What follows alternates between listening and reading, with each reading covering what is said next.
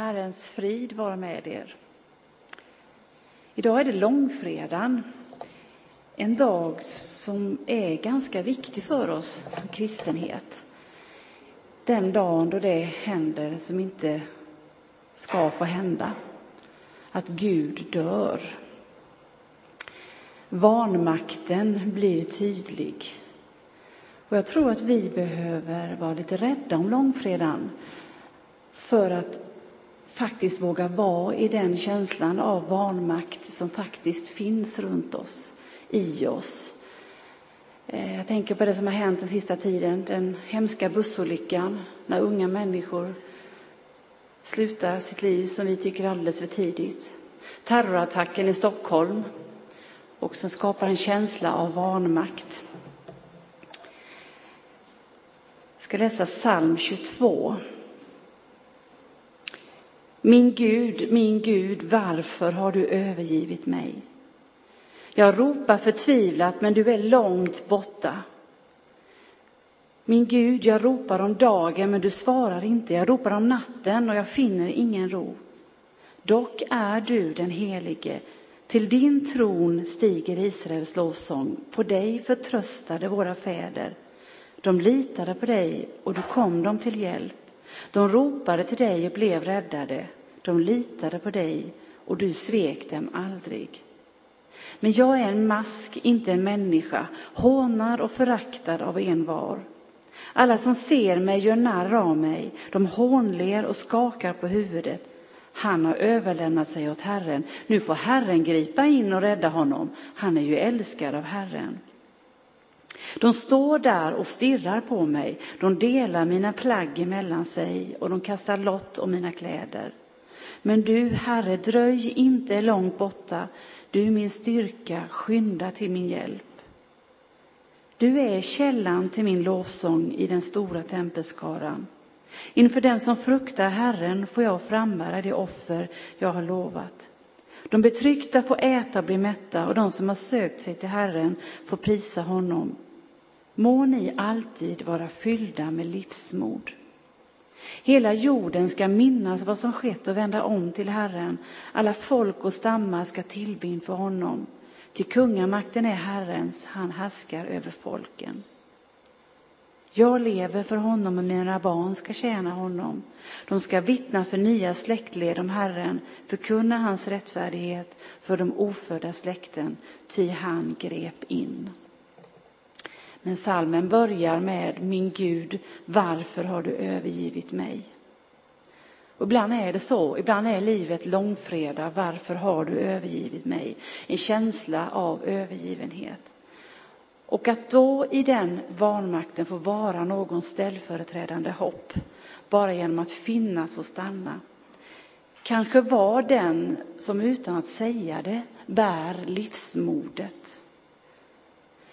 Lars Björklund, en präst som har skrivit en del och jobbat mycket inom själavård, skriver så här om vanmakten.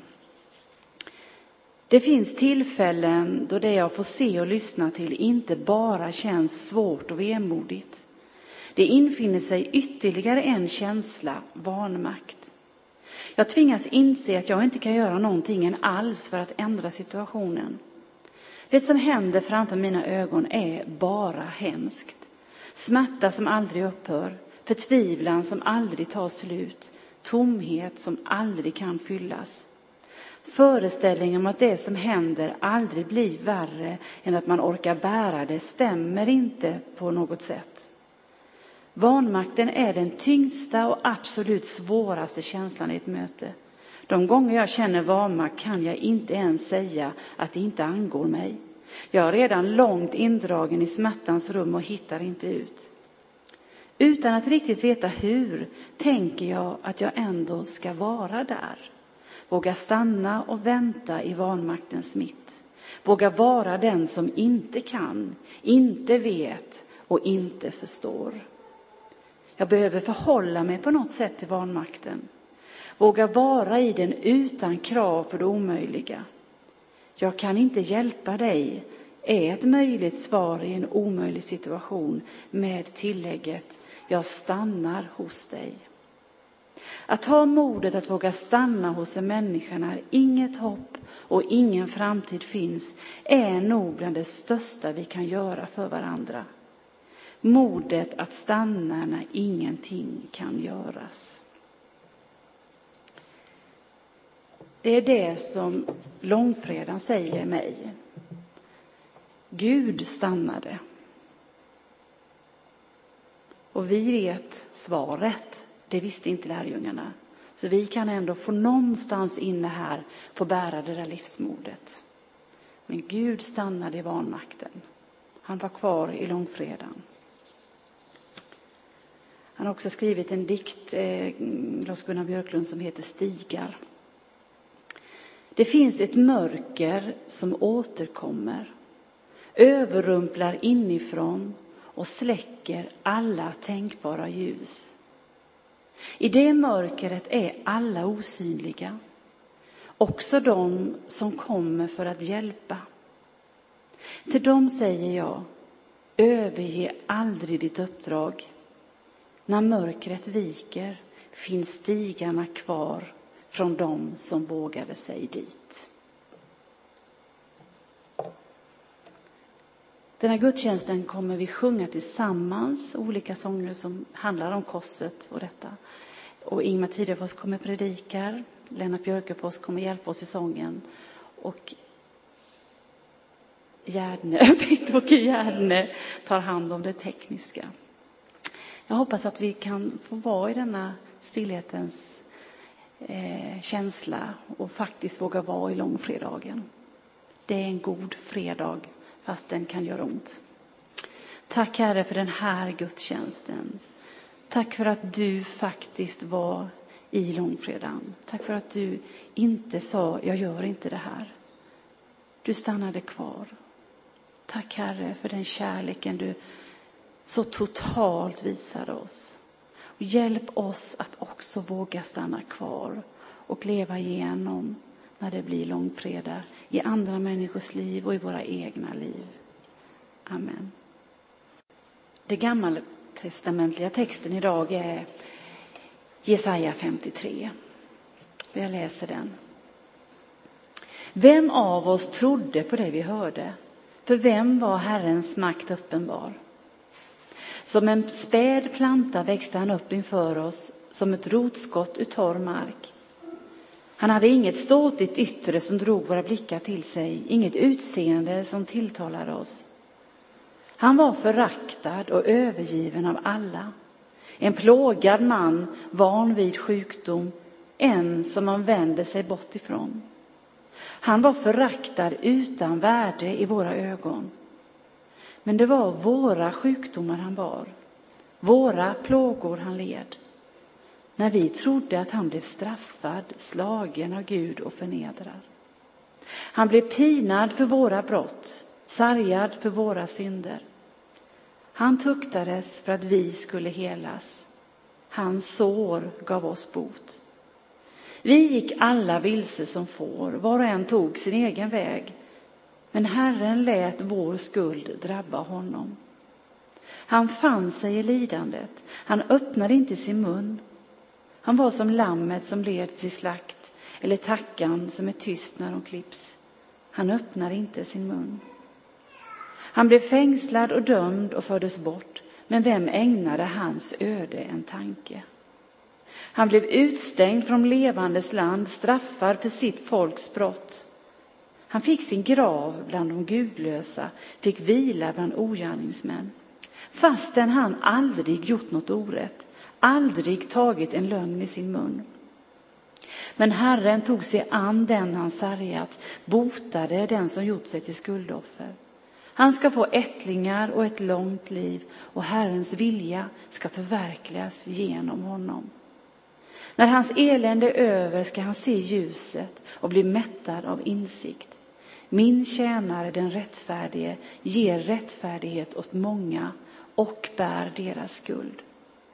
Jag ska ge honom hans andel bland de stora, låta honom dela bytet med de mäktiga, för han var beredd att dö och blev räknad som syndare när han bar de många skuld och bad för syndarna. Vilket oförtjänt lidande. Och det möter vi faktiskt också. Jag säger igen här med bussolyckan och terrordådet. Oförtjänt lidande.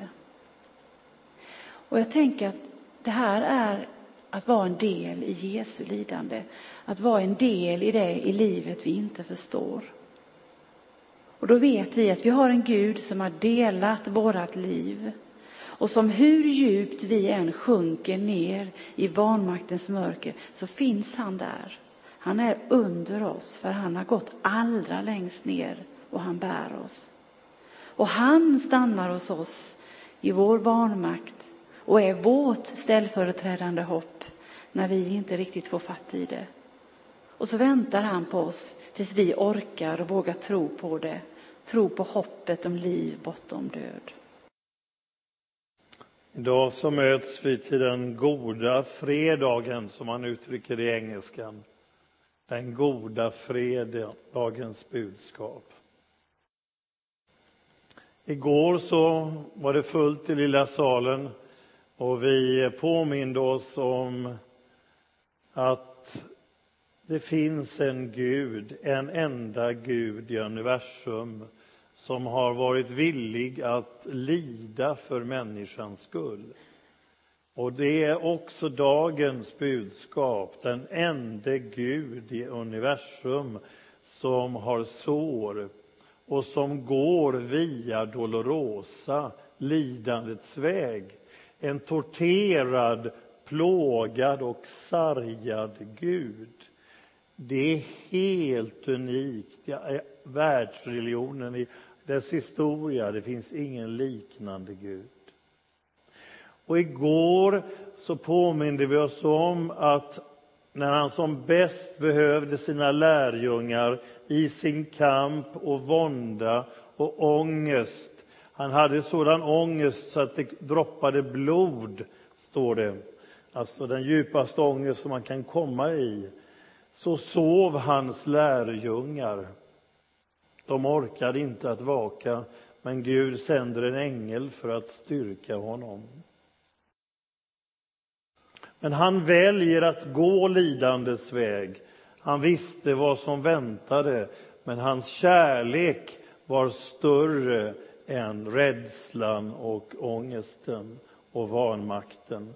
Han valde att gå via Dolorosa.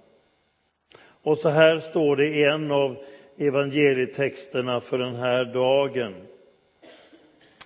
Pilatus, jag läser från Lukas evangeliet kapitel 23 och vers 13. Pilatus kallade samman översteprästerna och rådsmedlemmarna och folket och sa Ni har fört hit den här mannen och anklagat honom för att uppvigla folket. Jag har nu förhört honom i er närvaro men kan inte finna honom skyldig till något av det som ni anklagar honom för. Det kan inte Herodes heller, och därför har han skickat tillbaka honom till oss. Han har inte gjort något som förtjänar döden. Jag ska ge honom en läxa, sedan släpper jag honom. Då skrek hela hopen döda honom och låt oss få Barabbas fri. Det var en man som satt i fängelse för ett upplopp i staden och för mord.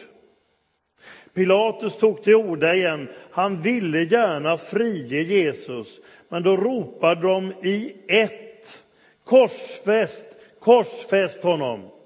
För tredje gången frågade Pilatus vad han gjort för ont. Vad har han gjort? Jag kan inte finna honom skyldig till något som förtjänar döden. Jag ska ge honom en läxa, sedan så släpper jag honom.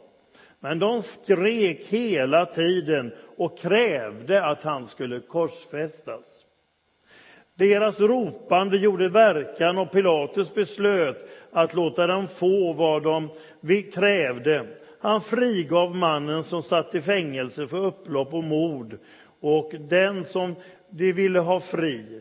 Men Jesus utlämnade han så att de fick göra som de ville.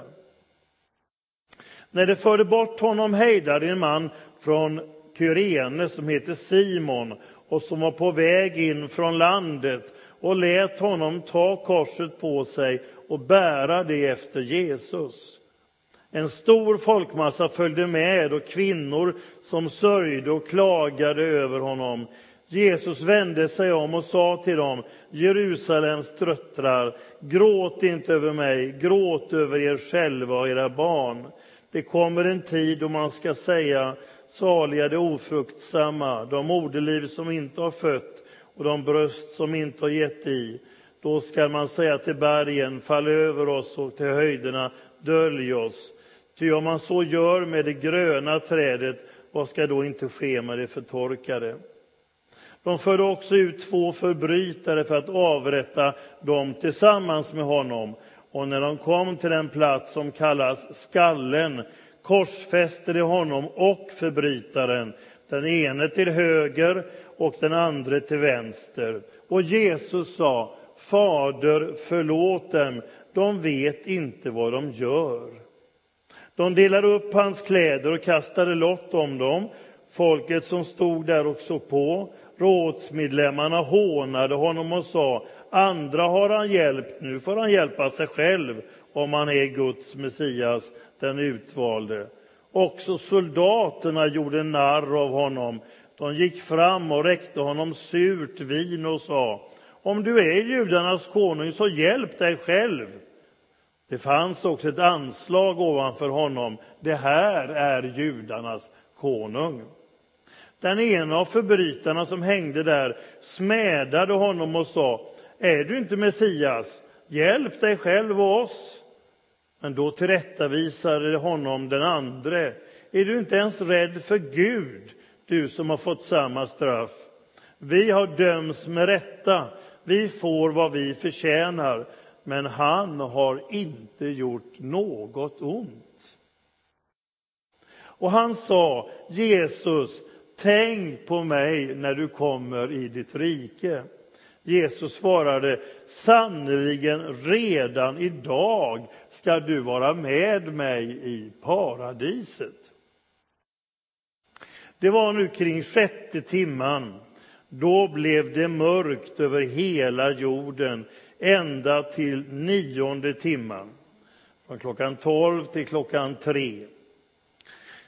Och då var solen förmörkades och förhänget i templet brast mitt i tu och Jesus ropade med hög röst Fader, i dina händer lämnade jag min ande.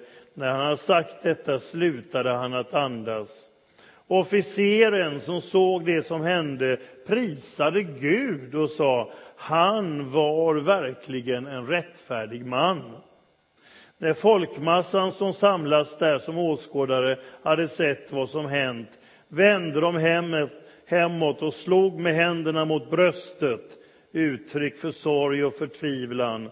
Men alla hans vänner och bland dem kvinnorna som hade följt med honom från Galileen stod på avstånd och såg allt sammans. Låt oss be. Herre, jag tackar dig för den goda fredagen och att du vill levandegöra och möta oss i evangeliets text idag, Herre. Du den ende Gud som har sår. Amen. Korsfästen lär vara den grymmaste dödssättet, eh, grymmaste avrättningsredskapet som människan har uppfunnit. Det var så grymt så att romarna efter några hundra år avslutade detta. Det lär ha sin början är Nimrods drottning Semiramis som kom på detta långt tillbaka i tiden i det babylonska och assyriska riket. Ni vet om Nimrod i Bibeln, Första Mosebok 10, den första som byggde ett välde, den första som anlade städer. Nineve, huvudstaden i Assyrien och så vidare. Det blev ett stort välde och drottningen så småningom för detta välde uppfann det här avrättningsredskapet och grundade också babyloniska mysteriereligioner. Och hon eh, hade olika slags kors, men det var troligtvis precis det här korset som vi har. Det fanns lite olika kors, men enligt traditionen så ser det ut precis så som vi har korset här. Jesus var plågad och torterad. Ibland så ser det så stilrent ut på kors och så Jesus den lidande och han ser ut som verkligen en konung, men det var en oerhört plågad. De flesta av dem som blev kors, skulle korsfästas överlevde inte piskningen som var, följde innan. Där man piskade dem med stora metallhullingar. Så det är inte undra på att Jesus behöver hjälp när han ska gå via Dolorosa, lidandets väg. Och han får hjälp av Simon från Kyrene. Eh, det ligger i Libyen, en nordafrikan, en proselyt. Eh, romarna kunde inte tvinga någon jude att bära korset och inte heller kunde de be någon officer eller någon menig i den romerska armén, för det hade varit förnedrande. Men då dyker Simon från Kyrene som kommer in till påskhögtiden och han blir ett lämpligt offer. Han får bära korset och blir också symboliken för lärjungaskap, denna nordafrikan. Han bär korset för Jesus och så på det sättet blir han ett exempel för lärjungaskapet. Och de går till Golgata. Det är ett arameiskt ord som betyder huvudskalle. Och varför vet man inte riktigt, men så kallades för. Och eh, det är också intressant att kyrkofadern Origenes på 200-talet eh, finns det en tradition som talar om att Kristus blev korsfäst på samma plats där Adam blev begravd. Det är intressant. Eh, så går traditionen långt bak till urkyrkan. Och jag vill nämna också om Simon, han tillhörde ju, det fanns i Apostlagärningarna, kan du läsa i Apostlagärningarna 6 och 9, en församling, en kyrka som hette den frigivnas församling. Och det var slavar och krigsfångar från Egypten och Libyen och en del andra länder de hade en församling som hette det Frigivnas församling. Visst är det ett underbart namn? Så vi skulle ändra namn här och skriva det Frigivnas församling. Ja.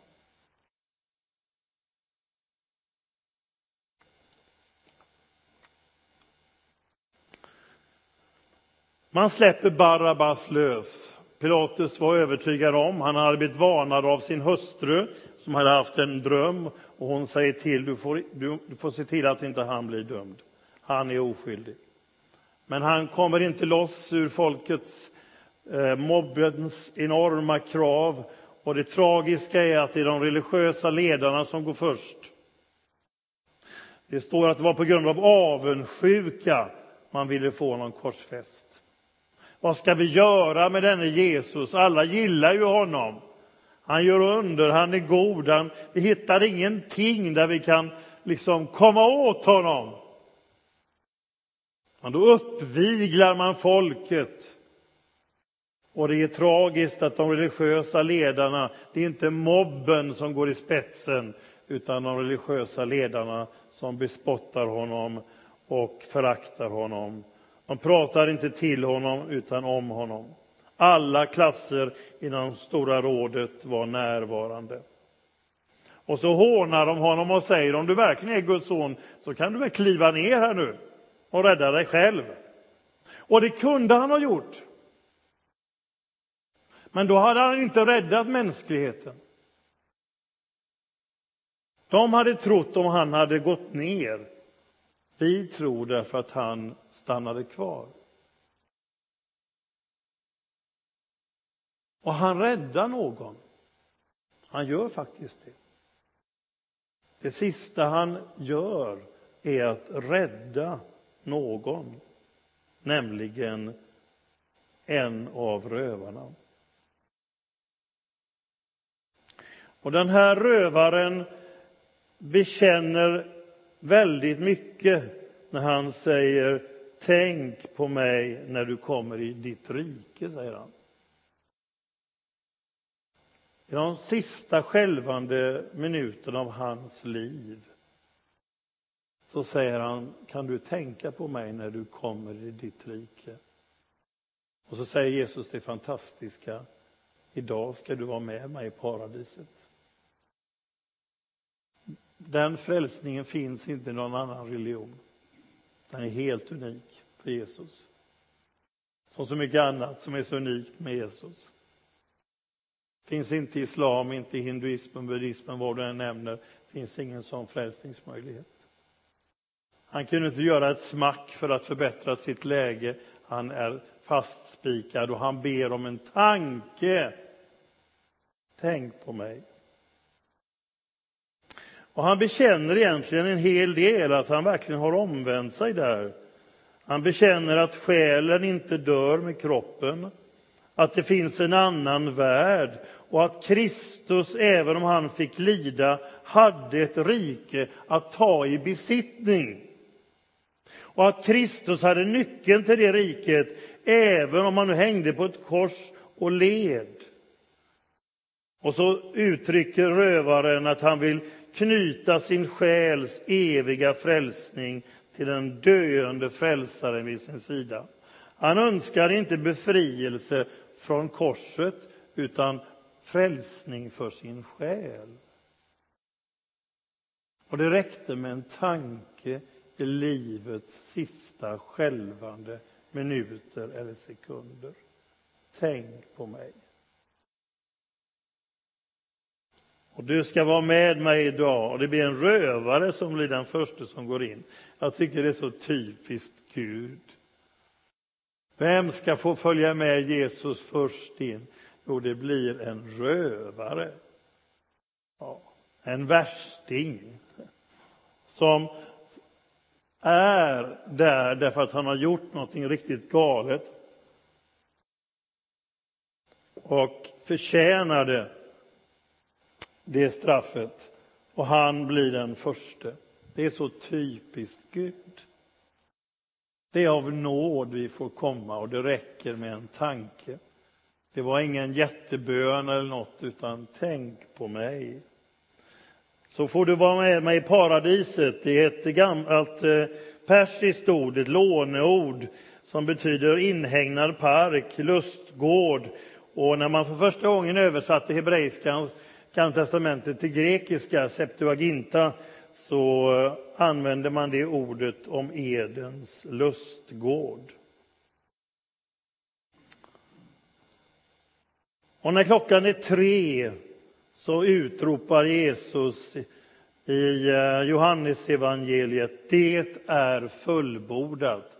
Och så ger han upp andan, alltså han bestämde själv det var ingen som kunde ta död på Jesus. Korset kunde inte ta död på honom. Han bestämde själv. Nu avslutar jag livet. Fader, i dina händer befaller jag min ande. Det är fullbordat och det är på grekiska ett segerrop. Ropet från den som har utfört sitt uppdrag och vunnit i striden. Och det är klockan tre. Och då händer det märkliga ting när han ger upp andan. Det blir solförmörkelse. Det blir mörkt. Bara så. Och det kan det inte bli när det är påsk, för att eh, påsken inför alltid i en tid när det är fullmåne som gör att det kan inte bli en vanlig solförmörkelse, utan det var ett övernaturligt, ogenomträngligt mörker. Vi kan tänka vilken reaktion det blev hos folket. Kolsvart. Och när Jesus föddes så tändes ett övernaturligt ljus. Natten blev dag. Och när han dör så blir dagen till natt. Och också i Jesu inre blev det mörkt, för han frambär nu mänsklighetens synd och känner av det så kraftfullt att han strax innan har utropat Fader, varför har du övergivit mig? Så konkret bar han vår synd. Och så brister förhänget i templet. Det var ingen liten eh, draperi eller någonting så. Det var 18 meter högt, 9 meter brett och 10 centimeter tjockt. Och det brister uppifrån och ner. Och när man skulle ta ner det här stora förlåten så behövde man 300 präster som gjorde tjänst för detta. Och så brister det rakt uppifrån och ner, bara så. Medan prästerna håller på och gör rökelseoffer och, och gör tjänst och, och pang så smäller det till och det här rämnar och förlåten öppen till det allra heligaste. Vilken överraskning! blir kolsvart, förlåten brister. Och då vet vi att till det allra heligaste fick i Gamla testamentet en person gå, nämligen på den stora försoningsdagen. En överste präst gick in med folkets skuld och synd till Gud. Och man visste inte om han skulle överleva. Det var det livsfarligaste jobbet i, i prästerskapslivet översteprästerna, som man hade bjällror på honom så man hörde att han överlevde när han kom inför Guds helighet och man fäste ett rep på översteprästen. Ifall det slutade bjällra så kunde man dra ut honom. För när man kom med synden inför Guds helighet så var det ingen lekstuga. Men nu öppnar Jesus, säger brevbrevets författare, i sin kropp öppnar han vägen in till det allra heligaste. Med andra ord, frälsningen är möjlig för alla. Och när jag läste och vi debatterade på Göteborgs universitet på religionsvetenskapliga om religioners fördelar och nackdelar hitan och ditan så kunde ingen säga emot att det finns ingen bättre frälsningsmöjlighet än hos kristendomen, än hos Jesus. För det är bara där man kan bli frälst av nåd och det är bara där som man och kvinna på lika villkor kan bli frälsta. Det fick alla hålla med om, vad de än tyckte sen, för det var unikt. Och vad hände mer?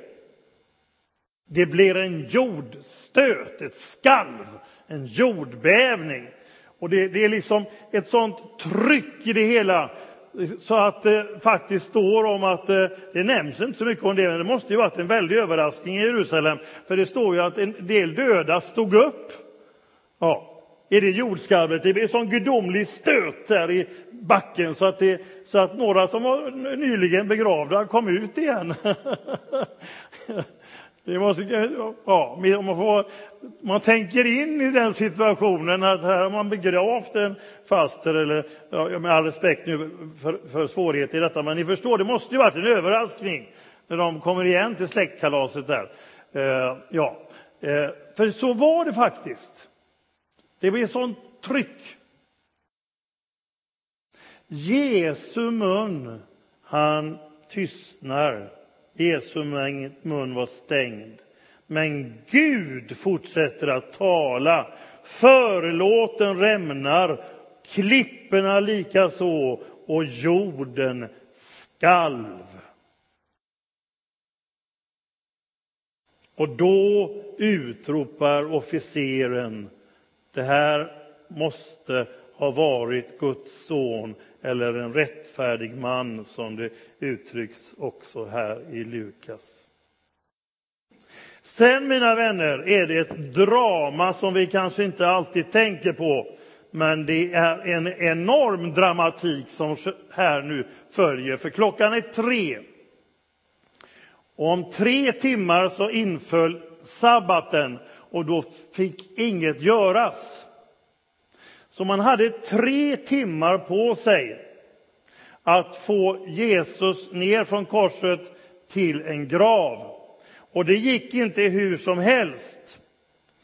Det står vidare så här, nu fanns det en rådsherre vid namn Josef, en god och rättfärdig man som inte hade haft någon del i de andras beslut och åtgärder. Han var från Arimataya, en stad i Judeen, och han väntade på Guds rike. Josef gick till Pilatus och bad att få Jesu kropp. Han tog ner den, svepte den i linnetyg och lade den i en klippgrav där ännu ingen hade blivit lagd. Det var förberedelsedag och sabbaten skulle just börja. Och läser man i de övriga evangelierna så ser vi här att Josef, han hade varit en lärjunge i hemlighet, står det. Men han var en rådsherre och förmögen man. Det var inte vem som helst som kunde komma och knacka på dörren till palatset och säga kan jag få prata med Pilatus? Det, det var ingen, många som kunde få det. Då träder han fram, som hade varit lite lågprofil, om man säger så, inte riktigt vågat. Men nu gör han det fullt ut. Och han visste ju att Jesus var död, så därifrån var ju ingen hjälp att vänta. Men han tar risken att komma inför Pilatus, så kunde man bli straffad, verkligen. Men han är en rådsherre och han var rik. Och då kommer han in i action. Av apostlarna syntes inte ett spår, som har varit så frimodiga, och ni vet, verkligen. Men då kliver han fram. Och han är inte ensam, berättar evangelierna. Nikodemus är med. Och ibland säger man att, att han också var en lärjunge i hemlighet. Det står det ingenstans. Att han kom på natten till Jesus var vanligt. Man samtalade eh, om andliga ting när det var svalt. Och han hade stått upp för Jesus i, i Stora rådet, kan man läsa om i eh, Johannes 7.50 att han säger där att inte kan man väl döma någon ohörd. Alltså han står upp för Jesus där, så glöm myten att, att Nikodemus var en lärjunge i hemlighet. Det har inget stöd i skriften. Däremot att Josef från Arimathea var det. Men de tillsammans gör detta. Och Josef tar huvudansvaret och så hjälps de åt. Och eh, de eh, ordnar med det som behövdes för gravläggningen. Eh, de döda lades ju aldrig i kistor, utan de var ju svepta i linnebindlar. Och linne användes bara egentligen till konungsliga begravningar, för det var så dyrt. Men Josef hade råd med det.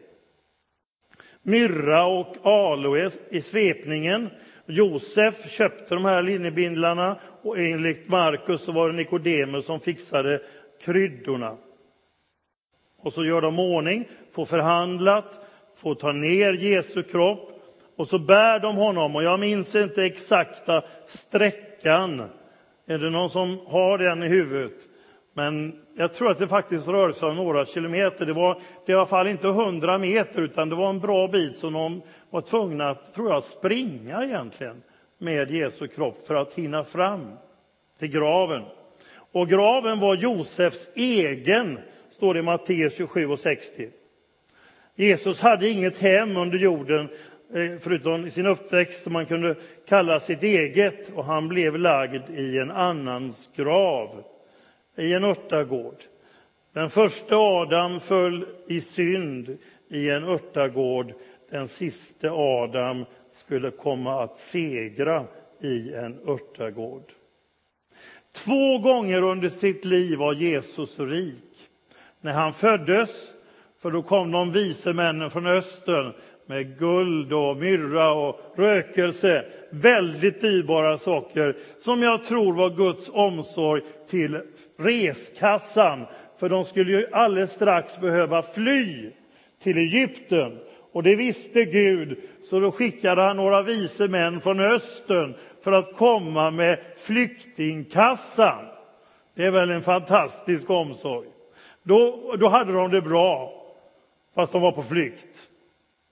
Och sen hade han ingen rikedom förrän han blev lagd, så att säga, då, i en rik mans grav.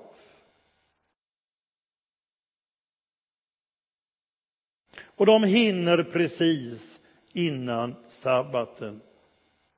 Men det är en enorm dramatik om ni tänker in i de olika detaljerna.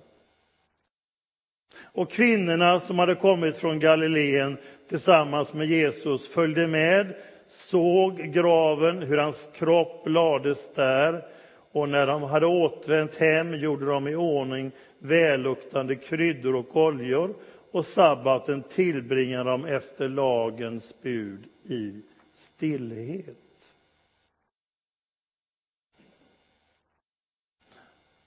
På den goda fredagen möter vi den ende Gud i universum som har sår. Vi möter den enda Gud i universum som älskar syndaren. Det finns inte i någon annan religion. Vi möter en Gud som tar ondskan på allvar och i påskhelgens drama så drabbar han samman med den och synden och dess yttersta konsekvens, döden. Och vi ska snart få mötas igen och fira att livet vann och dess namn är Jesus. Men på den goda fredagen så möter vi en Gud som älskar och tycker att människan är värd att kämpa för ända upp på korset. Och tänk om du tänker in i situationen att du var den enda människan på jorden. Så hade han gjort det för dig. Och han gör det för dig. Men tänk in det så personligt. Idag går Jesus där vägen för dig Ingemar. Eller för dig. Han går för dig. Och alla tror att det är slutet. Men slutet var i själva verket hans begynnelse hans verkliga begynnelse.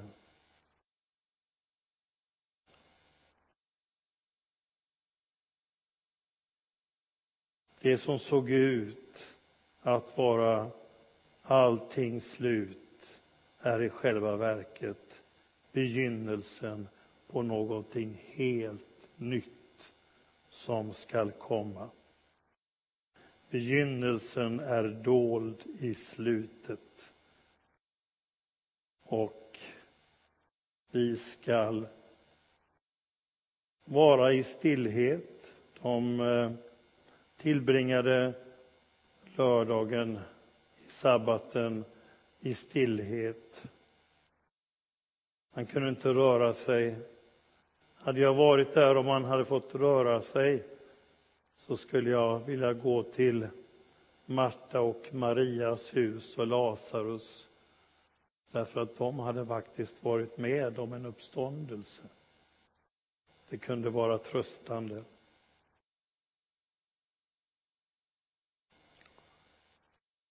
Gud, jag tackar dig för att du är den enda Gud i universum som har sår.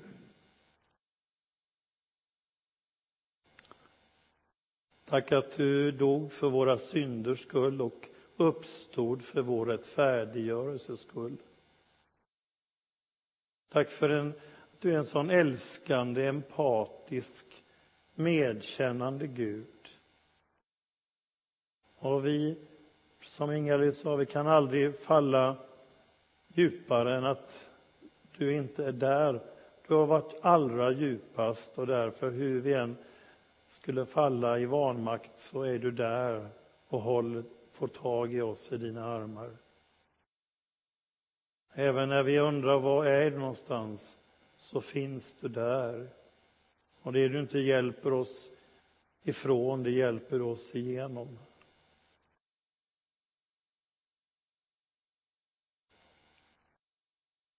Jag tackar dig för din kärlek, för din trofasthet, och att du gick hela vägen i din kärlek ända upp på korset. Men jag tackar dig också att där ryms en hemlighet, ett kristologiskt mönster. Att begynnelsen är alltid dold i det som verkar vara slutet blir början till något nytt som för alltid har, kommer och har påverkat våra liv och hela vår världshistoria. Och det får vi fira på påskdagen, att livet vann och dess namn är Jesus. Amen.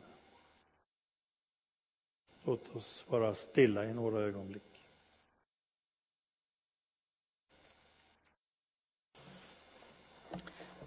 Tack Ingmar att du hjälper oss att faktiskt få vara i långfredagen. Tack.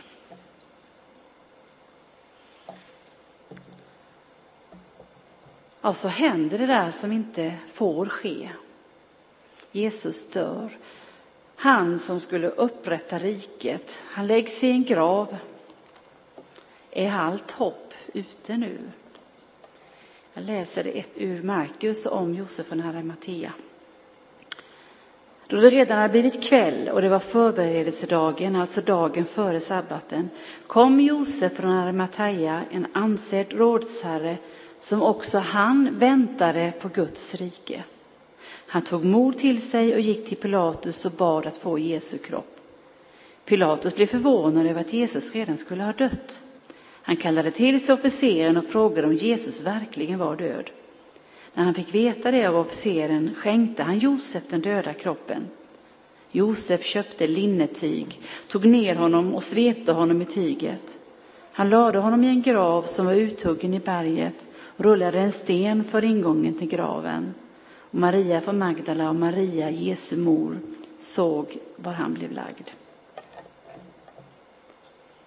Och han väntade på Guds rike.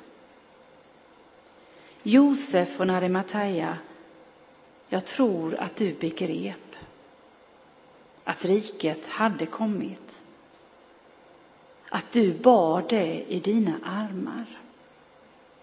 Vad tänkte du? Vågar du fortfarande tro på riket trots att det låg dött i dina armar? Ett ord ringde i dina öron mitt i sorgen, förtvivlan. Ett ord från denna märklige man. Vetekornet måste falla i jorden och dö för att ge liv, liv i överflöd. Vågar du tro? Vågar du vänta? Du svepte hans kropp i finaste linnetyg och i ditt hjärta andades ett hopp om liv, om liv i överflöd, tvärs emot allt förnuft. Herre, förbarma dig. Jag tror, hjälp min otro. Herre, vi tackar dig för dessa uppmuntrande ord. Herre, du säger och sa till Abraham och Sara, är då något så underbart att inte jag skulle förmå det. Vi avslutar vår gudstjänst med att vi står upp och ber den bön som Jesus lärde sina lärjungar. Vi ber efter den gamla översättningen. Fader vår som är i himmelen Helgat varde ditt namn. Tillkommer ditt rike. Ske din vilja, så som i himmelen, så och på jorden. Vårt dagliga bröd giv oss idag och förlåt oss våra skulder så som och vi förlåta dem oss skyldiga äro. Och inled oss icke i frestelse, utan fräls oss ifrån ondo. Ty riket är ditt och makten och härligheten i evighet. Amen. Ta emot Herrens välsignelse. Herren välsigne dig och bevare dig. Herren låt sitt ansikte lysa över dig och vare dig nådig. Herren vände sitt ansikte till dig och give dig frid i Faderns och Sonens och den helige Andes namn. Amen. Så får vi gå i frid och så får vi mötas till påskdag.